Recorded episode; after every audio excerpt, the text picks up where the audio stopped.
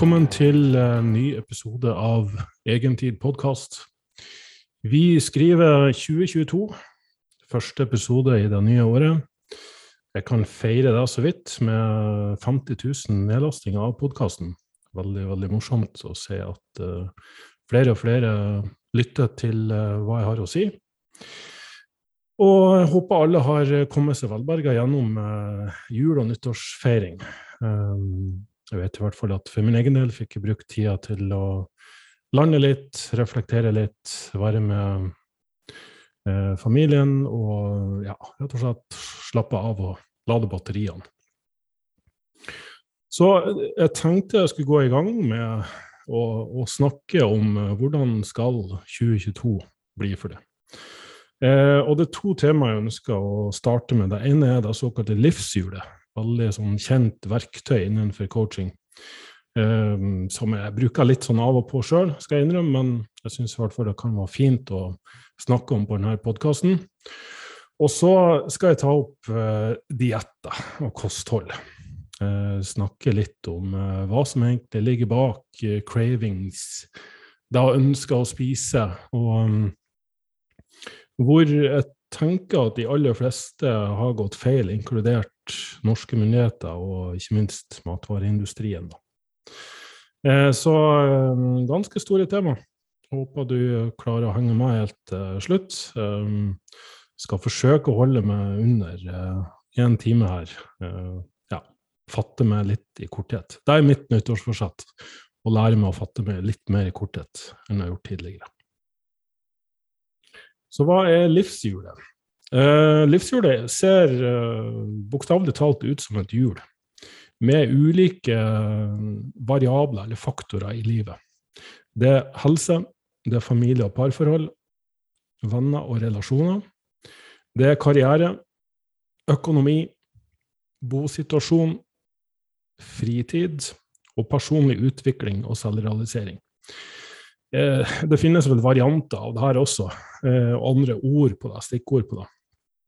Du kan generelt sett bare google det her og så finne ulike templater som, som uh, du kan følge. Og der scorer du fra 0 til 10, 1 til 10 eller 0 til 100% alt etter hva du foretrekker.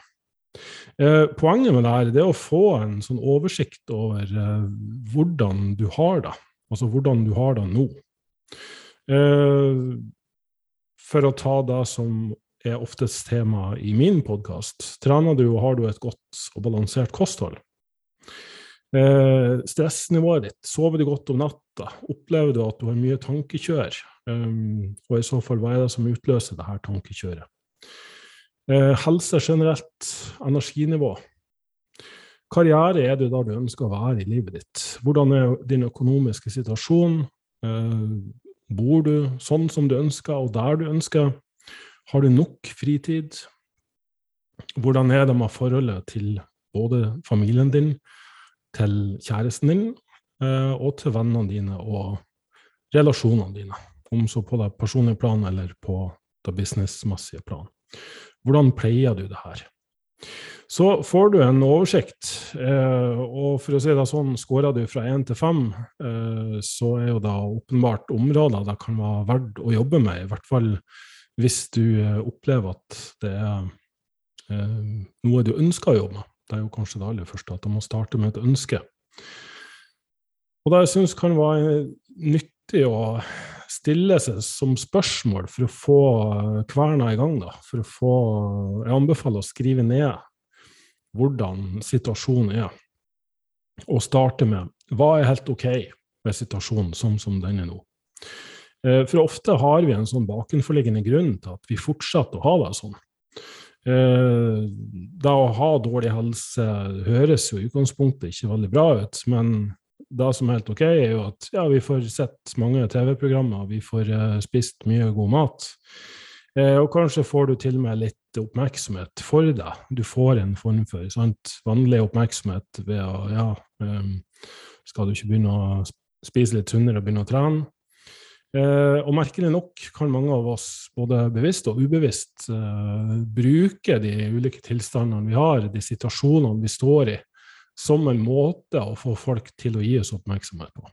Så, så, det er viktig at du tar en status på det. Er det noe der som gjør at du fortsetter å stå i den situasjonen fordi du på et eller annet nivå faktisk liker det? Deretter må du jo da gå videre med å stille selv spørsmål om hva er mindre OK med situasjonen? Hva er begrensende? Eh, krever det f.eks. mye tid og energi? Da at det går utover helsa di? Eh, hvilke konsekvenser kan det ha, ikke bare på kort sikt, men også på lengre sikt? For Jeg tror vi er veldig sånn kortsiktige i vår tankegang, enten vi vil innrømme det eller ikke, at Eh, den kortvarige belønninga er som regel større enn den langsiktige gevinsten av å f.eks. gå ned i vekt eller å begynne å trene. Det er smertefullt å komme seg på gymmet. Sant? Tungvint å komme seg. Um, Dørstokkmila er veldig berømt. Um, det å endre på kostholdet sitt krever at du setter inn i nye oppskrifter og matvaner. Um, det å ta tak i økonomien din eller karrieren og jobben din krever at du faktisk må ta en status på hvilke, hvilken kompetanse du har. Så i det hele tatt få, få deg en sånn oversikt både på hva som er ok, men hva som er mindre ok, og hva som er grenser. Og så går du da videre på hva er utfordringa for å kunne bli bedre på det området. Handler det om prioritering? Handler det om manglende kunnskap? Hva er det som holder deg igjen, egentlig? Eh, og, og forsøk i det minste å fokusere på ting som du faktisk har kontroll over. Hvis at det er ja, jeg skulle gjerne hatt mer personlig frihet, men så er samfunnet nedstengt pga. korona, så er det ikke noe du har kontroll over. Eh, men kanskje du finner arenaer som du kan finne mer frihet på, som f.eks. å dra ut i naturen. Den er jo fremdeles åpen.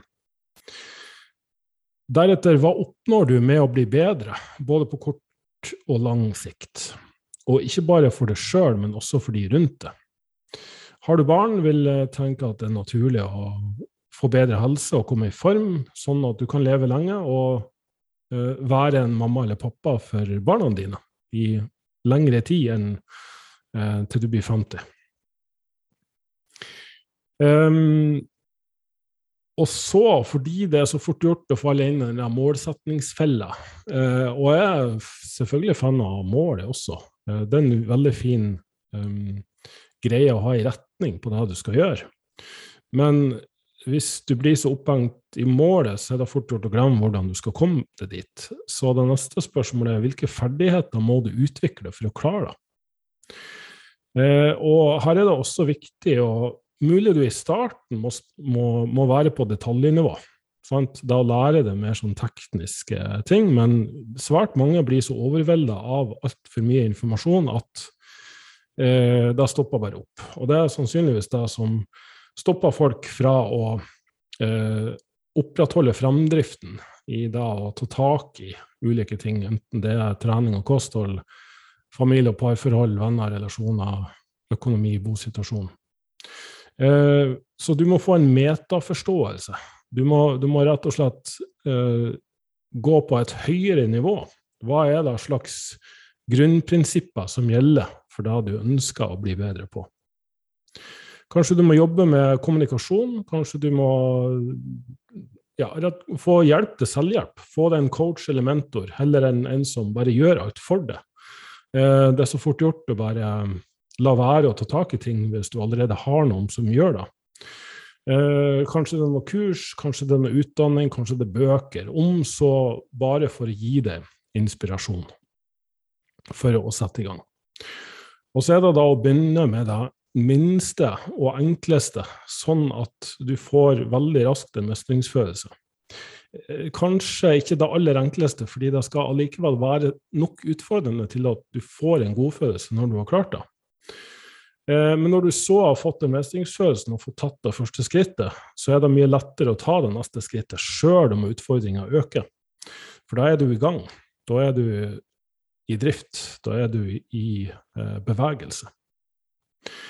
Og så er det noe med å faktisk forplikte deg til å bruke tid på å oppnå de her forbedringene. Eh, du, du må rett og slett beregne at det kan ta litt tid å oppnå uh, den gevinsten, oppnå den forbedringa, se at, du, at, det skjer noe. Så ofte kan det gå en lang periode der du bare føler at det ikke skjer noe før det plutselig løsner. Den typiske rykk og napp-progresjonen. Eh, men selvfølgelig på enkelte områder kan det være ganske sånn linært at du ser en gradvis forbedring. Litt sånn Kaizen-prinsippet, som man kaller det. Altså 1% bedre for hver dag. Hvordan kan du bli 1% bedre, i stedet for 100% eller 0 eh, For, da, da, da, bryter det ned til mindre steg.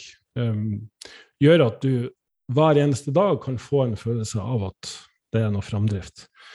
Eh, sånn at den følelsen av stagnasjon ikke overtar og gjør at du ikke kommer noen vei. For mange blir litt overvelda av den. Uh, og det her er noe vi ser på veldig mange områder. Jeg selvfølgelig kjenner jo veldig godt til det på mat- og treningsfronten. Det må lære seg de, de riktige tingene å måle og følge med på. Eh, sånn at, at, du ikke bare ser på badevekt, men at du også kanskje bruker målebånd. At du også bruker Eh, at du har fått bedre kondisjon, at du klarer å løfte litt, litt, tyngre vekt. At du i stedet for å øke med 10 kilo hver gang du skal på gymmet, at du øker med 2,5 eller 1,25 eller 1 kilo eller halv kilo. Bryter deg ned til mer overkommelige progresjonstrinn. Um, venner og relasjoner, parforhold. Um, hvordan kan du jobbe for å få bedre forhold til de rundt deg? Det kan handle om sånne småting som å bare begynne å gi bedre komplimenter. Lære deg å lytte mer. Lære deg å snakke, og ikke bare anta eller tolke. Eh, og det klassiske eksempelet altså, er jo mange gutter og menn, kanskje mest av alt. Eller for å si det sånn, gutter og menn er på motsatt side av jenter veldig ofte. Uh, der gutter og menn er veldig sånn på'n. De, de, vil liksom hoppe over alt og gå rett på sexen, eller rett på uh, gevinsten, da. Uh, typisk gutte-manneting å sende dickpics før de har blitt kjent med noen.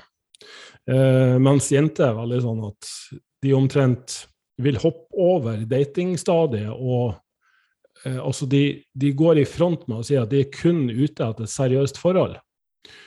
Uh, og det er klart en strategi jeg forstår, fordi man er blitt mye såra, eh, har følt at man har kasta bort tida på å møte folk som ikke var i synka med det. Men igjen, uheldige opplevelser uh, da ting ikke gikk som forventa. Jeg tenker allikevel på da at jeg var villig til å forplikte til å bruke tid tålmodighet og tillit, som jeg er veldig glad i å bruke. Eh, som også er en god venn av meg, André, som har vært på en tidligere podkast, eh, har brukt på markedsføring, for folk som driver med markedsføring. Eh, tålmodighet til å klare å stå i det, til å bruke nok tid på å bli kjent med en annen person, eh, uten å nødvendigvis um, anta at det her skal bli fulltreffer eller suksess. Eh, og ikke minst hvis du allerede er i et forhold. Da var villig til å bruke tid på det, og ikke bruke hver minste lille konflikt eller uenighet til en sånn 'Å nei, nå er det slutt'. Nei, det her klarer jeg ikke. Det her takler jeg ikke. Uh, og så bare hoppe ut av det. Så uh, forpliktelse, commitment, være villig til å bruke tid, faktisk utrolig viktig. Og så kan det være fint og litt sånn underveis å ta nye statuser på det livshjulet. Har det faktisk skjedd noe, og i så fall hvorfor ikke? Eh, går du stadig rundt i samme mønster, så er det noe som er verdt å se på. Hva er det du holder fast på, hva er det du må gi slipp på? Eh, er det noe kompetanse du mangler, er det noe hull som må tettes, rett og slett, for at du skal føle at det løsner? Um, så ja, veldig sånn greit for å kartlegge og få en oversikt over hvor du befinner deg akkurat nå, og sette i retning for det nye året. Så vil jeg gå over på et tema som i disse dager også er høyest aktuelt. Og det er jo at nå skal vi bli kvitt juleflaske, og kanskje òg 2021 og 2020 og koronaflaske og hva enn. Nå skal vi eh, for en gangs skyld uh, ta tak i det kostholdet og um, ja, klare å gå ned i vekt og finne den perfekte dietten. Problemet er jo selvfølgelig det at eh, det er en sørgelig statistikk. Og vi vet jo på mange måter allerede at det ikke vil fungere. Ikke for å liksom pisse i grøten eller noe, men eh, det er sånn fundamentale ønske menneskeheten har om å kunne gå ut og fikse matsystemet, uh, er jo nettopp det. Det er kun et ønske. For hver gang vi omfavner en sånn enkel løsning, enten det er en diett, eller at vi skal demonisere eller unngå alt som heter karbohydrater eller fett, eller hva nå enn som er the flavor of the day, eh, kjøtt eller grønt, altså plantekost, alt etter hvilken filosofi, eller en eller annen idiotisk form for kaffe, så, så har det liksom ikke fungert. Og det er lett å forestille seg en verden som vi faktisk ikke skal så veldig langt tilbake i tid, eh, enn 50-60 år siden. Da, hvis du så hvis du har sett gamle svart-hvitt-bilder fra ei badestrand, så er det litt slående da, å observere hvor få overvektige personer det er. Og det var ikke fordi de personene gjemte seg bak lukkede dører, men fordi det rett og slett var mange færre overvektige personer. Så det er lett å forestille seg en verden der maten er ren, og alle er mager og sunn og frisk, men problemet her stikker jo så dypt at det forstyrrer vår evne til å forstå det. Og jeg har brukt mange år på å forstå det her. Og det har ofte starta med her, den forutsetning om at vi skal klare å kontrollere menneskelig atferd, og en sånn fundamental eh, mistro på at uh, organismen vår klarer å regulere kaloriinntak.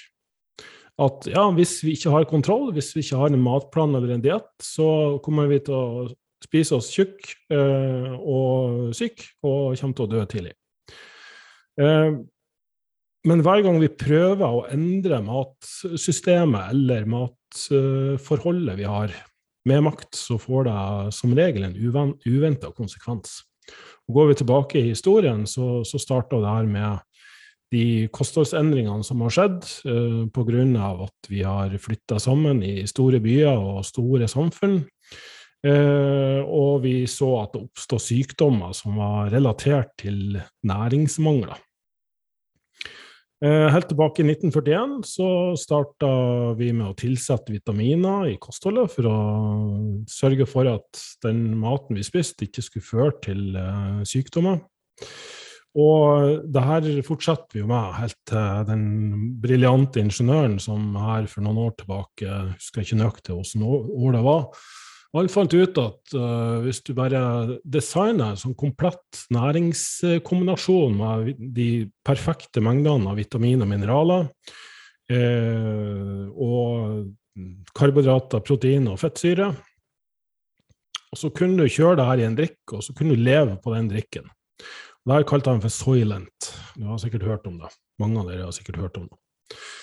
Eh, problemet med det er jo at igjen det er basert på den antagelsen eh, at ernæring er som drivstoff.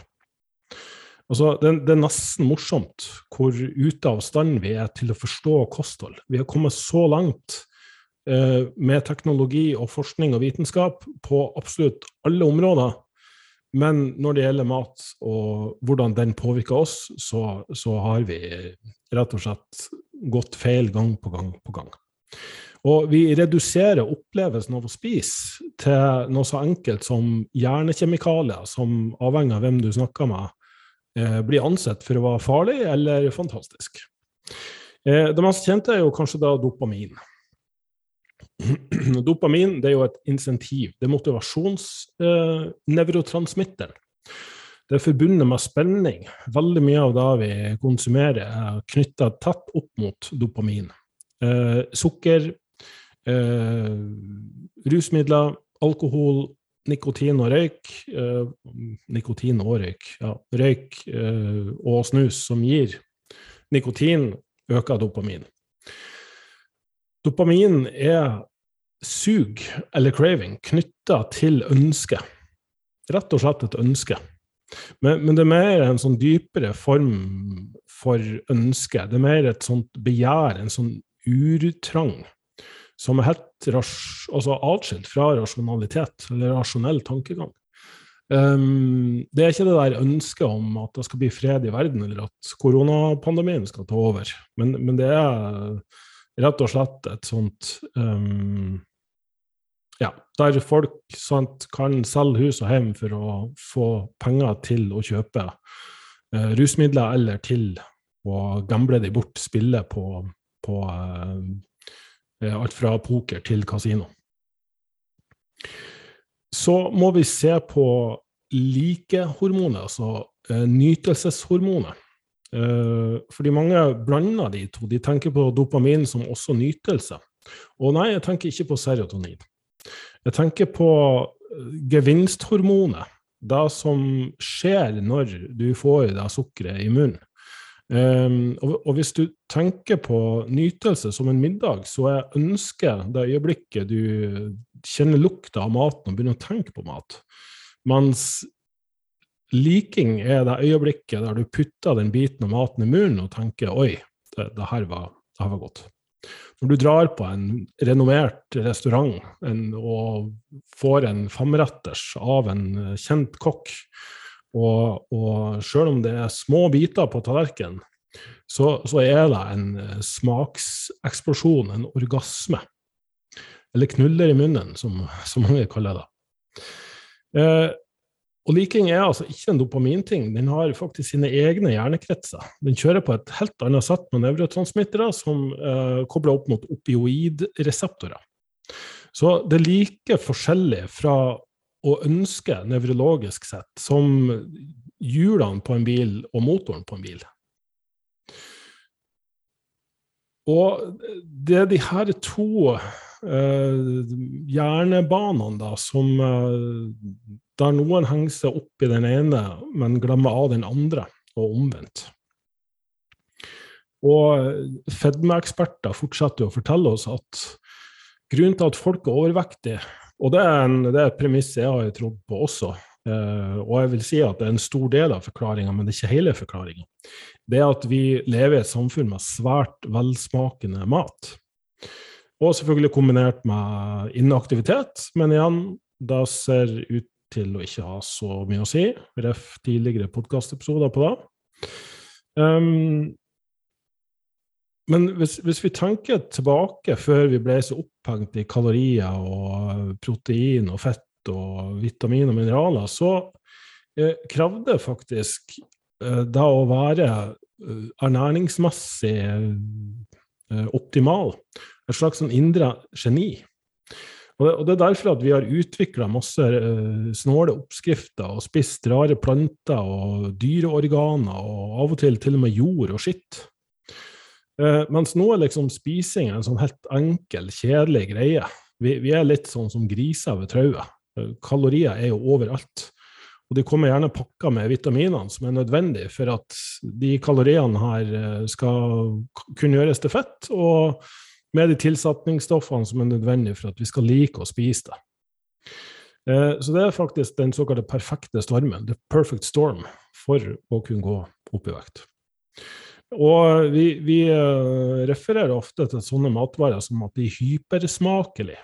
Der ideen er at uh, liksom den her ultrakonsentrerte formen av søtt og salt og syrlig, det gir en sånn lykkefølelse som er så sterk at den fungerer på hjernen akkurat som vanedannende stoffer. Eh, mange, mange, har jo sidestilt sukker med eh, kokain og heroin. Men det er egentlig bare en sånn Det her er en teori. Og den har faktisk fått navnet Hungry Ape Theory. Eh, og, og, det er en sånn veldig trøstende teori, for da kan vi legge skylda på den her forferdelige matvareindustrien. La oss ha i bakhodet at det er mennesker bak matvareindustrien som ikke ønsker å gjøre oss feit og syk, men som er mennesker akkurat som er det, som bare ønsker å ha en jobb. Eh, og da overlater de uh, ansvaret til oss forbrukere for å klare å stoppe oss sjøl fra å dytte truten full av kalorier. Eh, samtidig som vi liksom da får en sånn vitenskapelig forsikring om at det er jo egentlig ikke vår feil, fordi vi er liksom biologisk programmert til å gi etter for de her uimotståelige fristelsene. Men eh, her er noen sånn veldig fundamentale evolusjonære mekanismer eh, som ligger bak.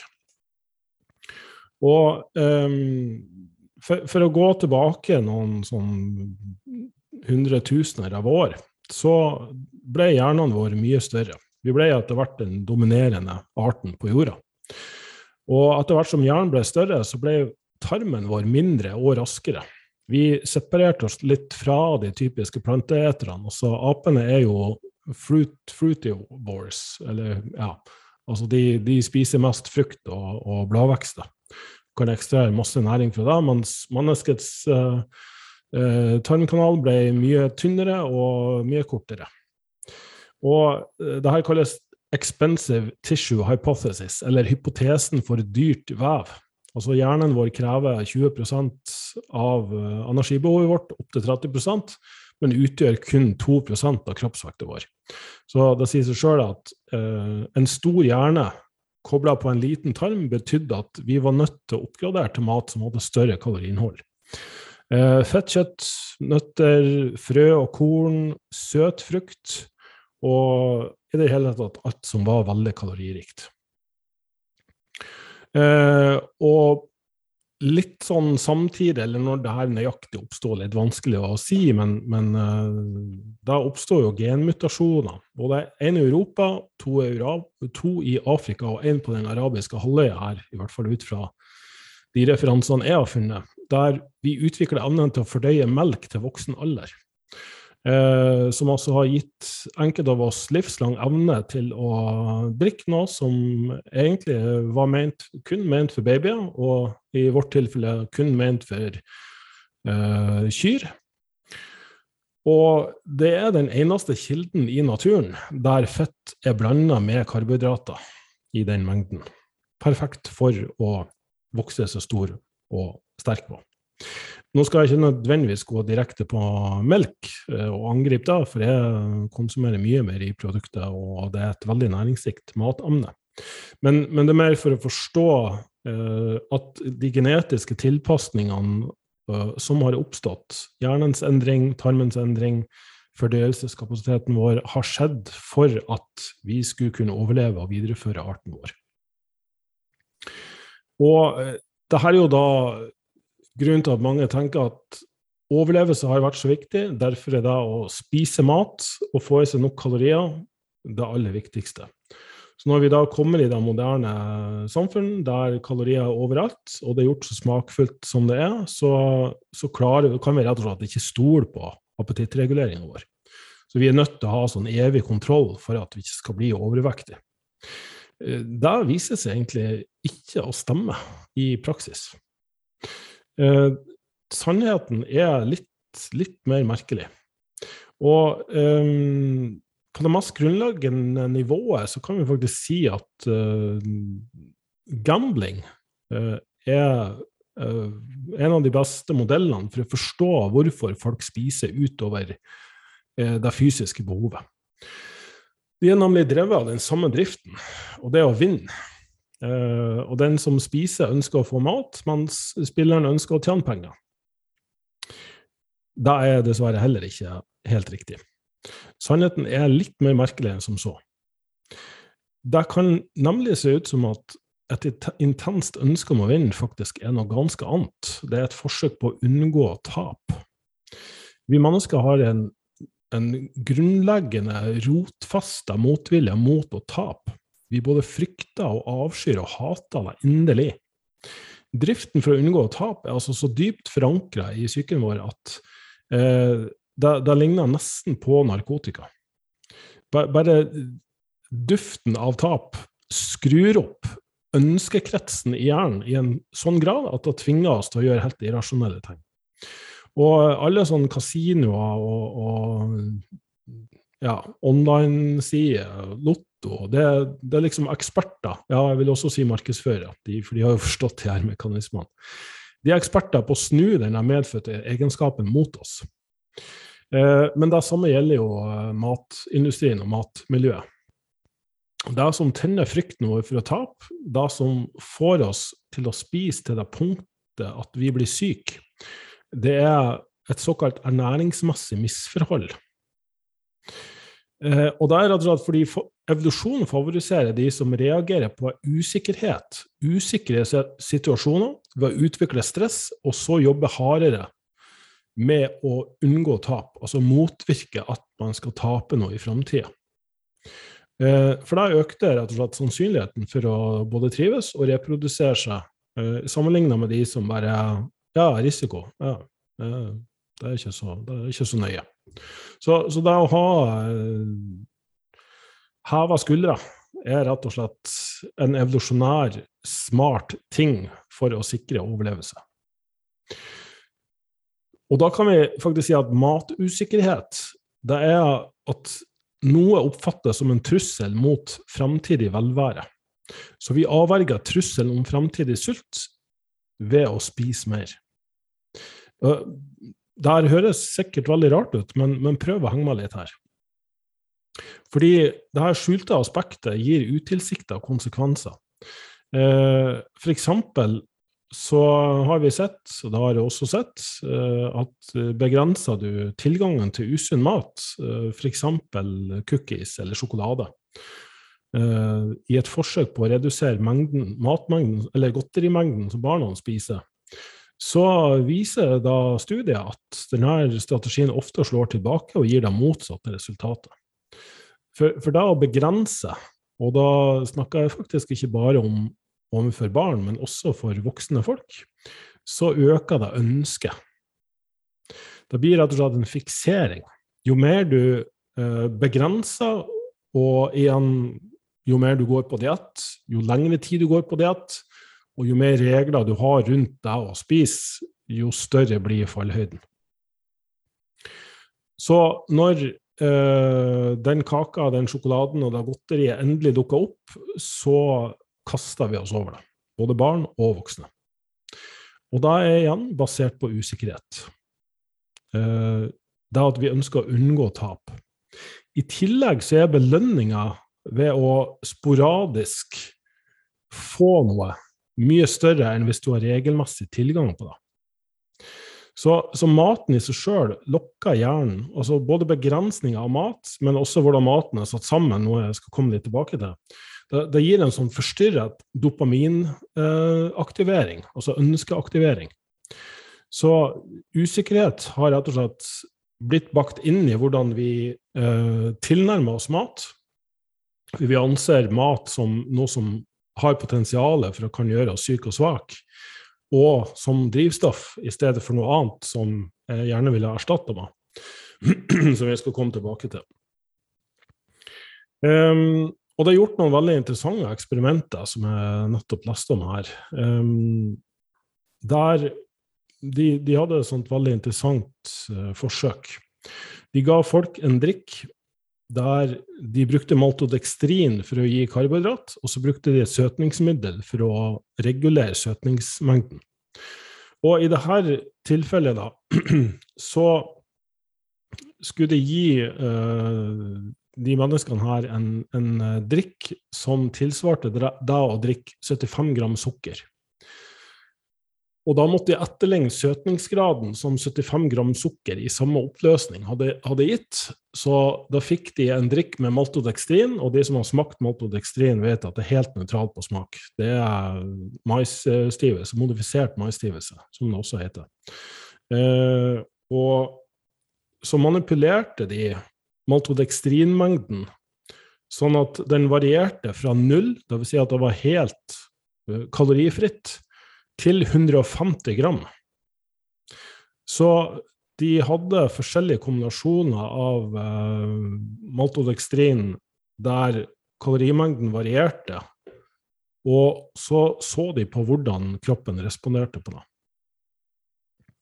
Det interessante da var at med samme søtningsgrad Altså kunne du ikke smake forskjell på de her drikkene så var det kun den drikken som ga 75 gram, altså nøyaktig det samme som sukker ville ha gitt, som klarte å utløse en korrekt insulinrespons. Mens de andre som ikke samsvarte, dvs. Si at energimengden, kalorimengden, var under eller over da den skulle ha vært, svekka insulinfølsomheten. Det gjorde kroppen dårligere på å tolerere karbohydratene. Faktisk var det i et uh, annet forsøk de gjorde som ligna på det her, så måtte de avbryte studien fordi det var unge folk som utvikla prediabetes. De hadde skyhøyt blodsukker og rett og slett klarte ikke å bearbeide eller ta opp eh, karbohydratene. Og det har selvfølgelig også tøysa veldig med eh, ønsket om å innta kalorier etterpå. Så det vi kaller søthet, det er faktisk informasjon. Det er naturens eh, måte å eh, gi kroppen beskjed om hva den kan vente seg. Og eh, problemet da med søtningsmidler er at vi tok en pålitelig prediktor for kalorier og gjorde den til en kanskje. Så vi lever nå i en verden der sødme noen ganger indikerer mange kalorier, noen ganger no, uh, ingen kalorier, og noen ganger veldig mye kalorier. Så søt smak har på mange måter blitt som en spilleautomat. Du trykker på knappen, men du vet ikke hva du kommer til å få. Og her er vi jo inne på det her med belønning, belønningsaspektet. Um, den største belønningseffekten får du hvis du bare av og til får uh, det du forventer. Uh, La oss si at du alltid hadde skåra mål hvis du hadde eh, prøvd å skyte på det. Da vil etter hvert det å forsøke å skåre mål bli veldig kjedelig. Men hvis du bare av og til treffer, da er det straks mye mer spennende. Dette går igjen i både dyrestudier og i menneskestudier. For eksempel um, har de også gjort det her på rotter, der de um, manipulerte med mengden søtningsmidler som ble gitt. Og rotten, altså i dette forsøket, rotten som ble gitt eh, søtningsmidler av og til, de spiste mest mat totalt sett. Så forholdet mellom sødme og kalorier gikk fra å være et solid ja til et kanskje. Det vil si at sødme ga ikke nøyaktig den mengden kalorier som hjernen trodde. Og når forskere observerer mennesker i den virkelige verden over lange perioder, så ser vi at på kort sikt så vil kunstig søtning Men ikke bare, vi stopper ikke der, liksom. Eh, fordi vi manipulerer veldig mye av maten med andre måter. Både konsistensgivere, fetterstatning, vi har lavfettsprodukter, vi har eh, tilsetningsstoffer som etterligner veldig mye av de næringsemnene som har vært i maten naturlig, og så tilsatte vi ofte vitamin og mineraler for å kompensere for at kvaliteten er altfor lav. og så viste det seg da at når du reduserer kaloriene på kunstig vis, med søtningsmidler eller lavfettsprodukter, så eh, på kort sikt, og det er jo gjerne de studiene eh, som blir gjort, de blir utført på mellom åtte og tolv uker, og da kan de personene her gå ned i vekt. Men over lengre perioder, hvis du følger folk over tid, så ser du at de som bruker mye kunstige søtningsmidler, har høyere risiko for vektøkning, hjertesykdom, metabolsk syndrom og diabetes. Nå er ikke dette en sånn uomtvistelig sannhet. Og det er ikke sånn at bare fordi du liker å drikke Pepsi Max, så har du høyere risiko for å få de sykdommene eller bli overvektig. Men det vi glemmer, er at vi er en organisme som lever i et samfunn med mange forskjellige påvirkninger samtidig. Så, så det er ikke nok å i seg sjøl utsette for kunstige søtningsmidler. Men hvis denne matusikkerheten, da, som det er blitt kalt til en forskning, blir lagt til stresset ved at eh, ja, du går gjennom skilsmisse, du har utfordringer på jobben din, eh, du har eh, ja, masse krav og forventninger som du enten har selvpåført, eller som du opplever fra verden rundt deg, så skjer det plutselig ting som kan være ganske uforutsigbart. Og nå har vi alle mulige modifiserte stivelser og uh, aromastoffer og Altså, den maten vi spiser nå, smaker av ting som den ikke lenger inneholder. Og så er det jo det her med um, at vi, må, nå, nå, er ikke det noe som gjøres i så utstrakt grad her til lands, men i hvert fall i USA så er det her med enrichment veldig vanlig. Det vil si at de tilsatte jern, de tilsatte B-vitaminer. Eh, rett og slett fordi de for mange år siden oppdaga at eh, det, moderne, eh, det moderne kostholdet førte til mange mangeltilstander. Så ved å tilsette vitaminer, så tenkte vi at ja, men da er alt uh, fint og flott. Det er som om vi uh, har tatt en bil og fylt på bensin og skifta olje og, og vindusspylevæske og frostvæske. Da er liksom alt i orden. At vi har tenkt på mat som komponenter som skal få maskineriet til å drives, og glemmer helt av at naturen har pakketert det her på en sånn måte at eh, som vår organisme har tilpassa seg, og vår hjerne har tilpassa seg til å tolke og forstå, og dermed omsette på mest mulig hensiktsmessig måte. Så organismen er perfekt, men miljøet vi lever i, har slutta å være perfekt og blitt manipulert av mennesker som ikke forstår eh, naturen. Og um, Så uansett hva en forsker eller hva visse autoriteter forteller det, så er det i bunn og grunn ikke snakk om at det er hypersmakeligheten, eller oversmakeligheten, i de matvarene som er problemet. Fordi vi kan faktisk ikke si at de representerer toppen av spiseglede. Eh, da de egentlig er hyper-cravable, altså hyperønskbar. Og til tross for at det er blitt en sånn utbredt myte om at smaken av mat er fullstendig kobla fra ernæring, dvs. Si at vi kan i bunn og grunn bare drikke sånn Soylent-drikker som en perfekt kombinasjon av eh, kalorier, vitaminer og mineraler, og så kan kroppen fungere eh, perfekt, så, så, er faktisk smak og ernæring uatskillelig. Eh, og, og, igjen tilbake til det forsøk med at det må faktisk være sukker i den drikken for at den korrekte mengden insulin skal utskilles og blodsukkeret skal reguleres. Og Da ser vi selvfølgelig bort fra at det er ikke nødvendigvis lurt å innta 75 gram sukker, fordi du kan få et veldig høyt blodsukker og blodsukkersvingning. Men at um, for at næringa skal metaboliseres korrekt og gi de riktige signalene, så, så må det være ordentlig mat. Uh, den menneskelige organismen er en sånn høyytelsesmaskin som tross alt er den mest intelligente, selv om man ikke alltid skulle tro det, uh, og som er av de lengstlevende. Og ja, er vel den uh, organismen òg som kan beveges over lengst områder uten å stoppe underveis. Så hver liten mengde ernæring må identifiseres, sånn at den kan brytes ned og absorberes eh, skikkelig. Og hjernen er svært opptatt av å forutsi, eh, kjenne på smaker, og bruker da de smakene den kjenner når du spiser, til å hjelpe den til å gjøre nettopp det. Så det å like fordi det er mange dyrearter som ikke evner å like. Mange kjøttspisere, altså carnivores, ser vi på f.eks. en slange, så har ikke den evnen til å like. Den har ikke hjernekretser for å like. Den ser byttedyr, og så svelger den. Det er ikke snakk om noe smaking. Den bruker liksom uh, luktesans og tunga for å finne bytte, men den brukes ikke for noe smaking når maten først er inntatt.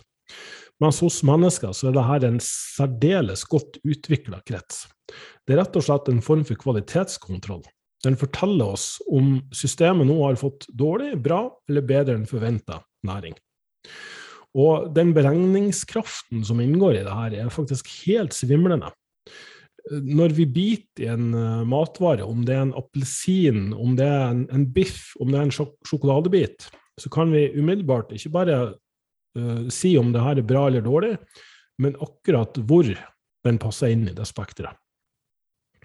Så evnen til å nyte eller mislike mat, det er kvalitetsberegning. Og det er derfor at vi under visse perioder av livet f.eks. er overfør for forbitre smaker. Du får ikke en unge til å drikke la oss si, alkoholfri øl da, eller innta ingefær. De vil rett og slett spytte ut fordi kroppen deres fremdeles ikke er utvikla til å tolerere det spesielt godt. Eh, og jeg har i tidligere podkaster snakka om eh, forsøk gjort helt tilbake på 30-tallet, der barnehjemsbarn fikk eh, fritt utvalg av mat uten at de hadde lært hvordan eller hva de skulle spise, eller hvor mye. Uten at de ble coacha, eller altså at de, de ga dem noen form for innspill på hva som var bra eller dårlig å spise. Og alle klarte å spise av seg både næringsmangler og vokse så sunne og sterke og friske. De perfekt regulerte både kaloriinntak, om ikke like mye hver dag eller lik fordeling, så ble det summen over en lengre periode ble helt perfekt. Og det her ser vi også at folk er i stand til. Selv om kaloriinntaket kan svinge fra dag til dag, så kan de veie nøyaktig det samme, nøyaktig samme år etter år. Selvfølgelig under visse forutsetninger. Og her har vi enkelte matkulturer. Vi har noe som heter det franske paradokset. Eh, og det samme ser vi i Italia. Der har de en matkultur som går på å skape mest mulig smakfull mat. Så hvis at altså alle som har vært i Italia, eller alle som liker italiensk mat, vet jo at det her er jo det er pasta, det er pizza, det er eh, retter som, som smaker ekstremt godt. Men der er overvekststatistikken helt motsatt den, da den er i USA. USA er befolkninga 70 overvektig, der noen òg er svært overvektig. I Italia er 70 av befolkninga normalvektig. Og det, det, er ingen som er svært overvektig. Jeg skal ikke si ingen, men det er i hvert fall særdeles få. Det er ikke noe statistisk signifikant andel som er svært overvektige. Det er noen som er overvektige, ja, men de aller fleste er normalvektige. Og um, Italia fokuserer på oppskrifter. De er ikke opptatt av kalorier. Mens det vestlige samfunn generelt, der er det sånn overdrevent fokus på ikke bare kalorier, makro, vitaminer og mineraler, men også kontroll av det. Eh, så hvordan har det seg da at i Frankrike og i Italia så klarer de å være normalvektig, bada i ekstremt smakfull og kaloririk mat? Det er ingen som kan komme og påstå at en pizza er kalorifattig. Det er ikke diettmat. Selv om USA har eh, funnet ut at eh, en pizza kan klassifiseres som en grønnsak fordi det er tomatsaus på den. Ja, jeg tuller faktisk ikke. Google det hvis du ikke tror på meg. Så klarer altså italienerne det kunststykket å holde seg normalvektig, gi denne um, overfloden av smakfull mat. Så da, da, begynner den teorien om at ja, men det er den oversmakfullheten som er problemet. Jeg tenker som så at forskjellen er, hvis du studerer den italienske kulturen, og har lest noen interessante bøker nå i, i jula òg, at der går de for matkvalitet. Det er kvalitet, kvalitet, kvalitet det er ikke noe kunstige tilsetningsstoffer. De dyrker mye av maten sjøl. De har egne, eh, egne klubber for den perfekte tortellinien. Eh, de har eh, De vet forskjellen på bønnearter, bønnesorter. De fremdyrker de som smaker best og er mest næringsrike. Så um, tilbake til hvordan det her ser ut i, i praksis. Uh, ja, jeg vil også nevne en, uh, en, del studier som ble gjort, der formålet egentlig var å finne ut av hvordan du kan få griser til å vokse seg til slaktevekt så fort som mulig.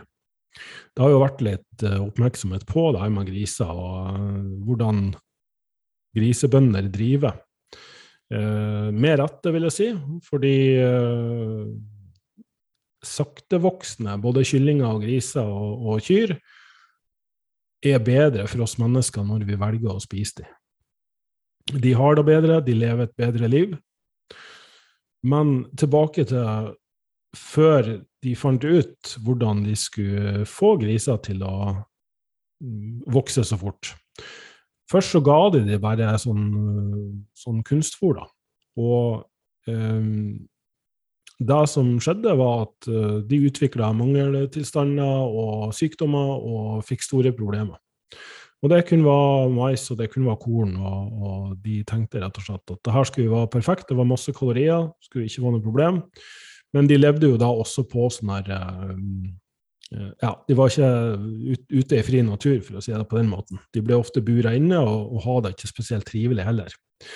Men, men, det de gjorde, var at de plasserte de også i sånne utendørsinnhegninger, uh, og så ga de det, det her fôret. Når de tilsatte uh, vitaminer, så satte det fart på saker og ting. For da gjorde de det i stand til å metabolisere kaloriene.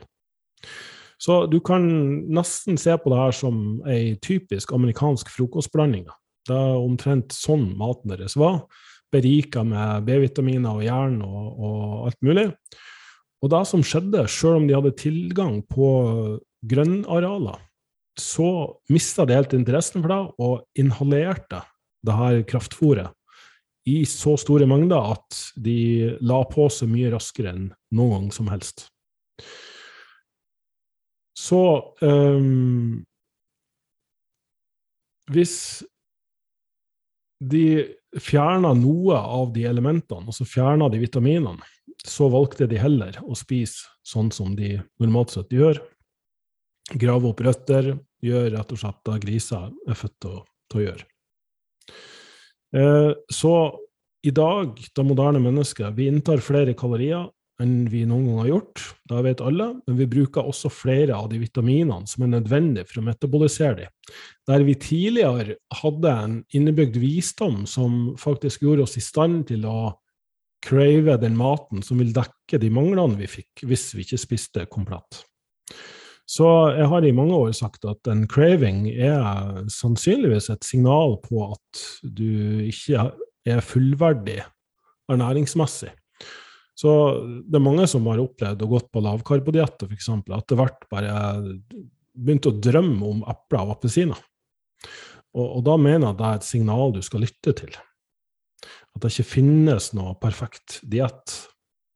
Um, men det finnes mat som vi trenger varierte mengder av, og som kan endres Altså behovene for den ulike maten kan endres i takt med at kroppen endrer seg, og årstiden endrer seg. Og jeg har hatt mange som har hatt uh, store problemer med overspising. Uh, og de har nærmest bare inhalert mat. Igjen tilbake til der myten da, om at overvektige folk de, de, spiser så mye mat fordi de elsker den, å spise potetgull og alt mulig. Men det interessante er igjen at mange overvektige spiser med et sånt uutholdelig ønske det er ikke nødvendigvis sånn at, at, de liker den maten så veldig godt. Og så, jo, for all del, det er godt med potetgull, men um, de tar seg ikke tid til å smake nok på den til at de avfyrer den hjernekretsen som oppfatter at de liker det her. Og Det var òg en sånn uh, case her som jeg syns var litt interessant. Det var en uh, gutt på 14 år som uh, husker, husker, ikke nøyaktig hva som skjedde med han, men men konsekvensen var i hvert fall at de måtte åpne et hull inn til magesekken hans. Uh, fordi han kunne ikke spise. Det kunne ikke passere noe um, gjennom spiserøret hans. Uh, så maten ble rett og slett bare ført rett, altså kverna opp og ført rett i magesekken hans. Han hadde en sånn umettelig appetitt. Han klarte ikke altså Selv om han hadde fått alle kaloriene, og til og med mer enn det, så var han fremdeles ekstremt sulten. Så kroppen på en eller annen måte har jo ikke registrert de kaloriene, da. Men så sa han rett og slett bare at han øh, hadde så lyst å bare kjenne den smaken. Og da fikk han, sjøl om han ikke kunne svelge noe, så fikk han maten i munnen, tygde den, og så spytta han den ut. Og ja, jeg vet det her høres litt sånn disgusting ut, men han spytta den ut, og så ble det her tilført i magesekken. Boom! Der var han mett. Så han var faktisk pent nødt til å smake på maten, og ikke bare tømme den direkte i magesekken. Nok et bevis på at smak hører, eller er så viktig del av matthetsreguleringa vår. Så nummer én, du må ha mat som faktisk er ordentlig mat, og ikke manipulert og full av tilsetningsstoffer. I hvert fall bør mesteparten av kostholdet ditt være det. Um, nummer to, du må lære deg til å smake på maten, og du må faktisk like maten du spiser. Det er ikke bærekraftig å uh, gå på dietter som innebærer unødvendig restriksjon. Da vil slå tilbake på det i framtida. Og det er heller ikke bærekraftig å spise mat du ikke liker, og gjøre den så smakløs som overhodet mulig. Um, og igjen tilbake til det der med folk som sliter med overspising. Uh, jeg har jo gitt i oppgave, jeg vet jeg har sagt det her på podkasten før, men jeg syns det var interessant fordi jeg kom over en egen klinikk som tilbyr det her som terapi. Folk som har såkalt matavhengighet, er svært overvektige, har bulimi, uh, lider av ulike former for uh, matforstyrrelser, spiseforstyrrelser. De får som oppgave å sette seg ned og nyte én sjokoladebit. Og de gjør det ordentlig, skjønner du. De demper lyset, de setter på litt behagelig musikk i bakgrunnen, de ber personen om å lukke øynene, og så skal de registrere så mye som overhodet mulig av den sjokoladebiten. Og svært mange, inkludert mine egne kunder, som har fått det her i oppgave, med hva enn det nå er, om det er sjokoladebit eller det er et kakestykke, har opplevd at den cravinga forsvinner. Så bare det å, å kunne sette seg ned og nyte maten bedre, og, og, igjen tilbake til Frankrike og Italia og mange middelhavsland, det er jo ikke bare matkomponentene. Jo, selvfølgelig, de, de spiser veldig næringsrik mat, og mat som de dyrker sjøl, men mat er en kultur. Det er ikke noe, er ikke noe du enten blir syk og, og feit av, eller som ja, rett og slett er et problem. Så um, jeg tror da endre på innstillinga til mat også er veldig viktig, hvis at vi skal kunne stole på kroppen vår igjen. At kroppen vår er, kapabel til å regulere kaloriinntaket sitt. Den er kapabel til å være tynn. Du trenger ikke nødvendigvis å skal gå og tenke på mat og være obsesst med mat, men kanskje lære deg noen oppskrifter med mat som du lager sjøl, og du trenger heller ikke bruke mange timer på det. Det finnes måter å tilberede mat på som ikke krever veldig mye tid. Og så er det det med å kunne sette seg ned med familie, med venner, uh, med folk, og, og, og så, sånn som Italia og Frankrike. De kan bruke lang tid på, på et måltid. Det kan foregå i timevis. Det, det, er liksom en del av, av opplevelsen, det å nyte et godt måltid. Det er ikke noe de, de, de hiver ikke i seg pølser på farten liksom, til og fra jobb. Så, så, jeg håper det her var litt sånn uh, informativt og, gir det litt sånn tankekors før du går i gang med den nyeste dietten og kalorirestriksjonen. Uh, det er ikke en sånn altomfattende vitenskapelig teori det her, eller kunnskap som, som påstår å forklare hvert eneste tilfelle av overvekt, fedme, eller at du ikke har klart å, å fullføre en diett. Men det bør være en sånn endring i tankesett Eh, det er veldig fundamentalt for min coaching, i hvert fall. Det her med å, å starte selvfølgelig på, på, detaljer og sette sammen måltid og kalorier og karbohydrat og protein og fett, men også ha matvalg som sikrer at du får eh, næringa du trenger. Og så å si uten unntak så, så sier folk, sjøl om det er mindre mat kalorimessig, enn de er vant til å spise, så påstår folk at det er mer mat enn de er vant til å spise, og at ulike cravings har forsvunnet. Og jeg mener det er Da peker jeg i hvert fall i retning av at det, er noe i det her. Så vi endrer maten. Maten forandrer oss. Nå er det kanskje på tide å prøve å gi litt slipp på denne diettmentaliteten og ja, lære oss å like mat som naturen har designa for oss. Eh, og i stedet for syntetiske framstillinger og etterligninger og kombinasjoner. Og igjen, jeg sier heller ikke at nå skal det bli enda en regel, at du skal totalt unngå eh, cornflakes eller hva enn, men, men igjen, ordentlig sjokolade uten masse tilsetningsstoffer er noe helt annet enn en de som har 20 ingredienser. Eh, så, så, det er fremdeles snakk om å spise. Altså kjøp deg ei kokebok, eh, tradisjonell italiensk, fransk mat, og, og lær deg å lage mat fra bunnen av. Så tror jeg veldig mye er gjort. Og, og kanskje også prøve å, å, innta mat som ikke er tulla altfor mye med, men som er ja, mest uh, så, så, nært den naturlige formen som mulig. Sant? Ost er jo et godt eksempel på det. Uh, ikke ostetterligning eller med smak av mozzarella, som jeg faktisk så nå i butikken før jeg begynte å spille inn podkast. Uh, de har ikke engang lov å kalle det ost, men, men, at du faktisk kjøper skikkelig ost. Um, da ble den her Ja, det gikk akkurat på timen. Så jeg håper du har klart å henge med så langt, og um, at du uh, har lært noe nytt, fått noen uh, innsikter, forstår ting. Um, og så håper jeg at du følger med meg videre i 2022. Jeg skal gjøre så godt jeg kan for å komme med nyttig informasjon.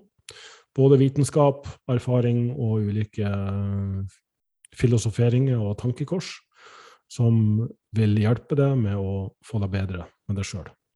Takk for at du hørte på. Ha en fortsatt